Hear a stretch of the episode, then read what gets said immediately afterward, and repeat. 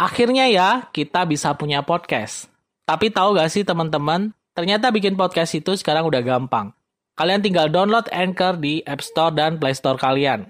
Kalian bisa mulai record podcast episode pertama kalian langsung di aplikasi tersebut. Bahkan, kalian juga bisa edit podcast kalian langsung. Melalui Anchor Podcast, kamu akan didistribusikan ke podcast streaming platform seperti Spotify, Apple Podcast, dan lain-lain. Dan yang pasti, gratis. Yuk download aplikasi Anchor di App Store dan Play Store kalian atau kunjungi www.anchor.fm. Selamat bikin podcast. Hai Mams, salam sejahtera. Kalau kita bicarakan soal prosedur persalinan, itu sebenarnya ada dua macam, ya. Normal dan juga sesar. Sebenarnya normal ataupun sesar sama aja. Tujuannya supaya bayi bisa lahir dengan selamat, ibunya juga selamat. Intinya sebenarnya sama aja. Cuma memang ada beberapa kondisi di mana moms di sini nggak bisa melahirkan normal, sehingga harus sesar. Kali ini saya akan menjelaskan sebenarnya syarat-syarat apa aja sih yang harus terpenuhi supaya moms di sini yang sedang hamil nantinya bisa melahirkan secara normal. Mungkin ada beberapa moms di sini yang uh, lebih suka ya, lebih senang, lebih merasa lega kalau bisa melahirkan normal. Seperti apa? Apa aja syaratnya? Simak terus.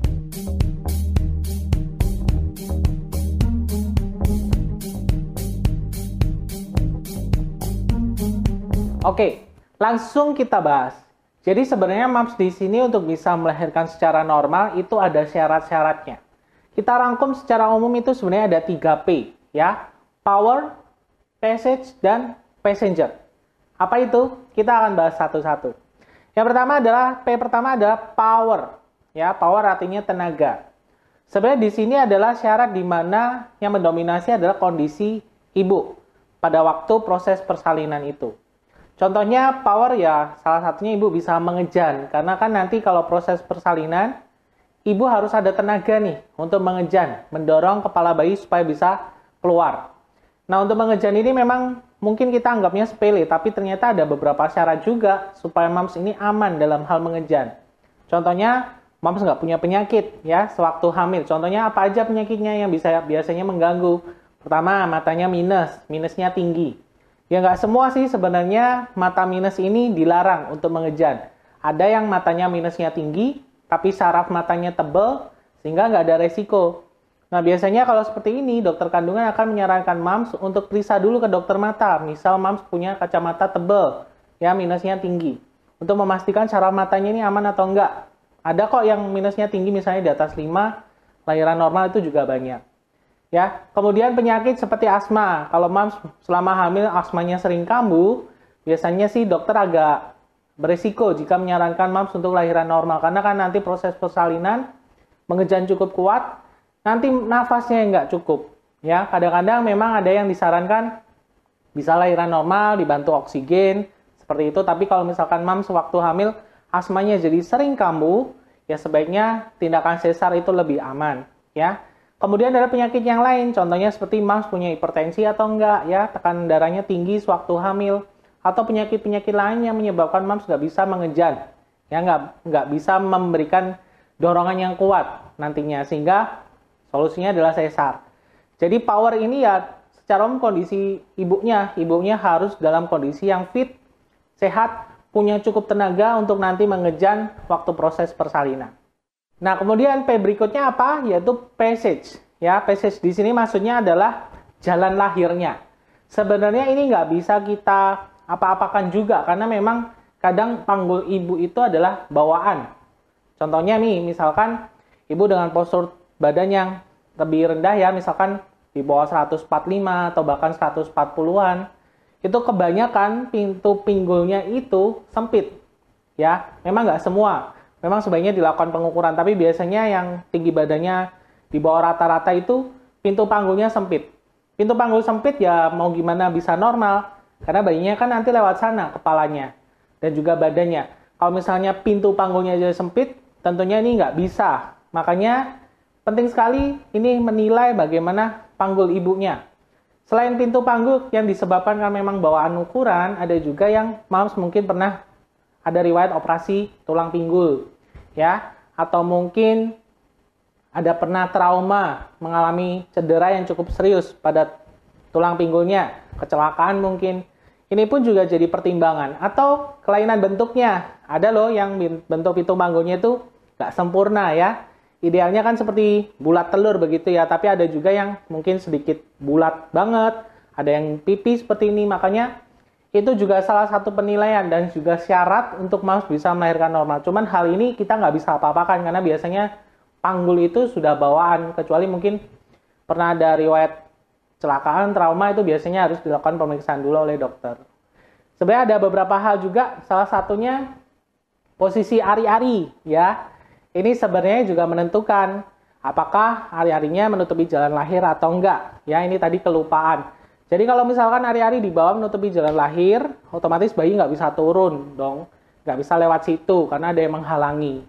Itu pun juga salah satu indikasi untuk tindakan sesar.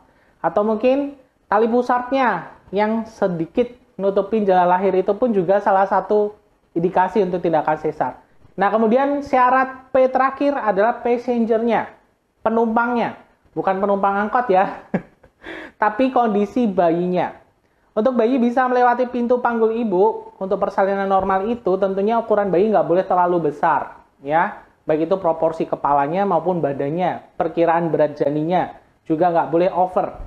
Contohnya pada bayi yang mungkin ukurannya cukup gede, di atas 3,5 kilo atau mungkin di atas 4 kilo bahkan, itu kebanyakan sih beresiko jika lahiran normal. Ya memang ada sih yang bisa normal, karena memang pada saat itu kondisi bayinya uh, cukup bagus ya, panggul ibunya juga masih muat untuk dilewati.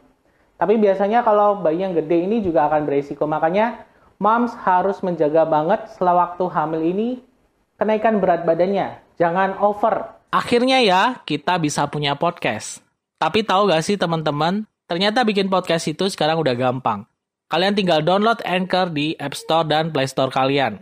Kalian bisa mulai record podcast episode pertama kalian langsung di aplikasi tersebut. Bahkan, kalian juga bisa edit podcast kalian langsung. Melalui Anchor Podcast, kamu akan didistribusikan ke podcast streaming platform seperti Spotify, Apple Podcast, dan lain-lain. Dan yang pasti, gratis. Yuk download aplikasi Anchor di App Store dan Play Store kalian atau kunjungi www.anchor.fm.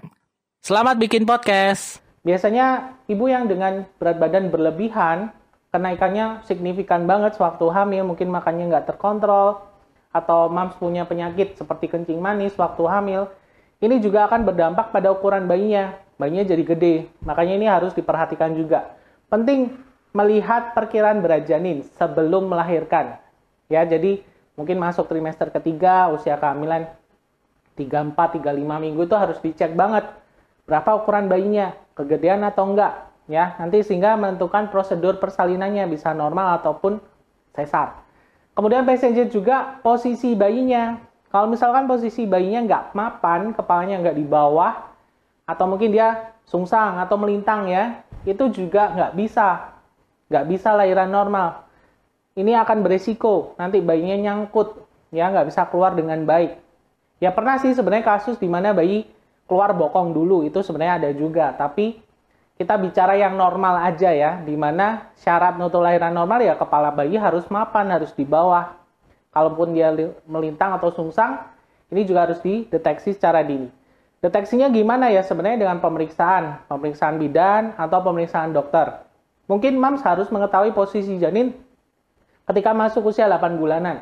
Ya, 30, 31, 32 minggu itu harus tahu gimana posisi bayinya.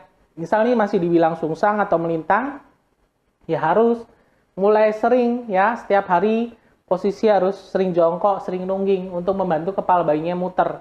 Semakin dini dilakukan, semakin besar peluang kepala bayinya bisa muter. Kenapa? Karena nanti kalau sudah gede, ruang geraknya ini sudah sempit di dalam. Bayi mau muter juga susah. Makanya mams harus mengetahui posisi janinnya ya paling nggak 8 bulan tuh harus tahu. Sudah bagus atau belum? Sudah kepalanya di bawah atau belum? Ya, ini penting sekali. Selain itu juga kondisi bayi pada saat itu, pada saat proses persalinan ataupun menjelang persalinan. Ada di mana kondisi bayinya terjadi gawat janin ya. Dia terancam di, di dalam kandungan mungkin karena suplai oksigen yang kurang dari ibunya, ibunya mengalami penyakit, atau mungkin kelainan pada ari-ari, tali pusat, macam-macam. Ya, Kalau kondisi janin masih fit, bagus ya, sebenarnya bisa diusahakan lahiran normal. Tapi kalau kondisi janin biasanya mengancam, ya salah satu cara cepat untuk menyelamatkan ibu dan juga bayinya ya dengan operasi sesar. Makanya kondisi janin ini harus sering dipantau. Gampangnya sebenarnya mams bisa lakukan di rumah memantau kondisi janin bisa dengan mengukur detak jantungnya kalau misalkan mams punya alat namanya Doppler atau ya dihitung dengan gerakan janinnya. Minimal ya setiap jam ada gerakan itu sudah bagus lah. Gampangnya seperti itu. Itu biasanya kalau udah 7 bulan ke atas ya mams harus hitung-hitung gerakan janinnya menandakan kondisi janinnya bagus. Kalau gerakannya menurun banget, bisa banyak kemungkinan. Salah satunya adalah kesejahteraan janin yang terancam. Yang dampaknya nanti ya untuk persalinan nggak bisa normal, harus sesar karena kondisi janinnya lagi terancam pada saat itu. Nah selain itu juga ada tidaknya lilitan, lilitan tali pusat. Sebenarnya ini bukan indikasi mutlak untuk dilakukan tindakan sesar. Artinya sebenarnya ada juga yang bayi terlilit bisa lahiran normal. Tergantung bagaimana lilitannya, berapa jumlah lilitannya, lilitannya di area mana, terlalu ketat atau enggak simpulnya. Ini banyak pertimbangan. Makanya cek kontrol kehamilan sebelum melahirkan ini sangat penting. Biasanya dokter ada menyarankan seminggu sekali atau dua minggu sekali menjelang persalinan ya 3-6 minggu ke atas. Karena memang pada kondisi ini cukup krusial untuk menilai kondisi janinnya ini bagaimana bagus atau enggak. Bisa dilahirkan menunggu atau segera ya. Bisa normal atau sesar. Makanya ini harus diperhatikan banget jadi intinya sebenarnya mau normal atau sesar tuh sama baiknya ya mams artinya sebenarnya tujuannya ya sama-sama supaya bayinya lahir dengan selamat ibunya juga sehat ya pada proses persalinan. Sama-sama selamat Jangan dipaksakan lahiran normal jika tidak bisa ya untuk melahirkan normal. Sesar pun juga sama baiknya. Cuma memang pemulihan yang lebih lama. Intinya sih moms harus sering kontrol aja sewaktu hamil untuk memastikan bisa normal atau enggak. Ini adalah putusan dokter ya yang bisa sebenarnya moms diskusikan lebih lanjut dengan dokternya atau dengan bidannya. Ini baiknya gimana lahirannya bisa normal atau enggak. Ini perlu namanya diskusi. Jadi ya nggak perlu takut juga, nggak perlu cemas juga kalau ujung-ujungnya sesar pun ya nggak ada masalah. Tapi usahakan bisa normal ya dengan tips-tips tadi. Setidaknya ada beberapa syarat yang terpenuhi mams yang bisa mulai jaga sejak dini. Contohnya seperti nggak boleh makan terlalu manis, berlebihan supaya bayinya nggak gede. Mams harus kontrol kondisi kenaikan berat badannya, kemudian kondisi kesehatannya, posisi janinnya yang sebenarnya bisa kita rubah saat usia kehamilan masih belum terlalu lanjut ya, sedini mungkin bisa kok kita muter bayinya itu. Intinya ya ini semua bisa diketahui dengan pemeriksaan, makanya mams 3-6 minggu ke atas tuh harus lebih sering untuk cek, untuk kontrol ke dokter. Terutama dokter kandungan supaya bisa USG, kondisi janin, kondisi ari-ari, tali pusat, macam-macam.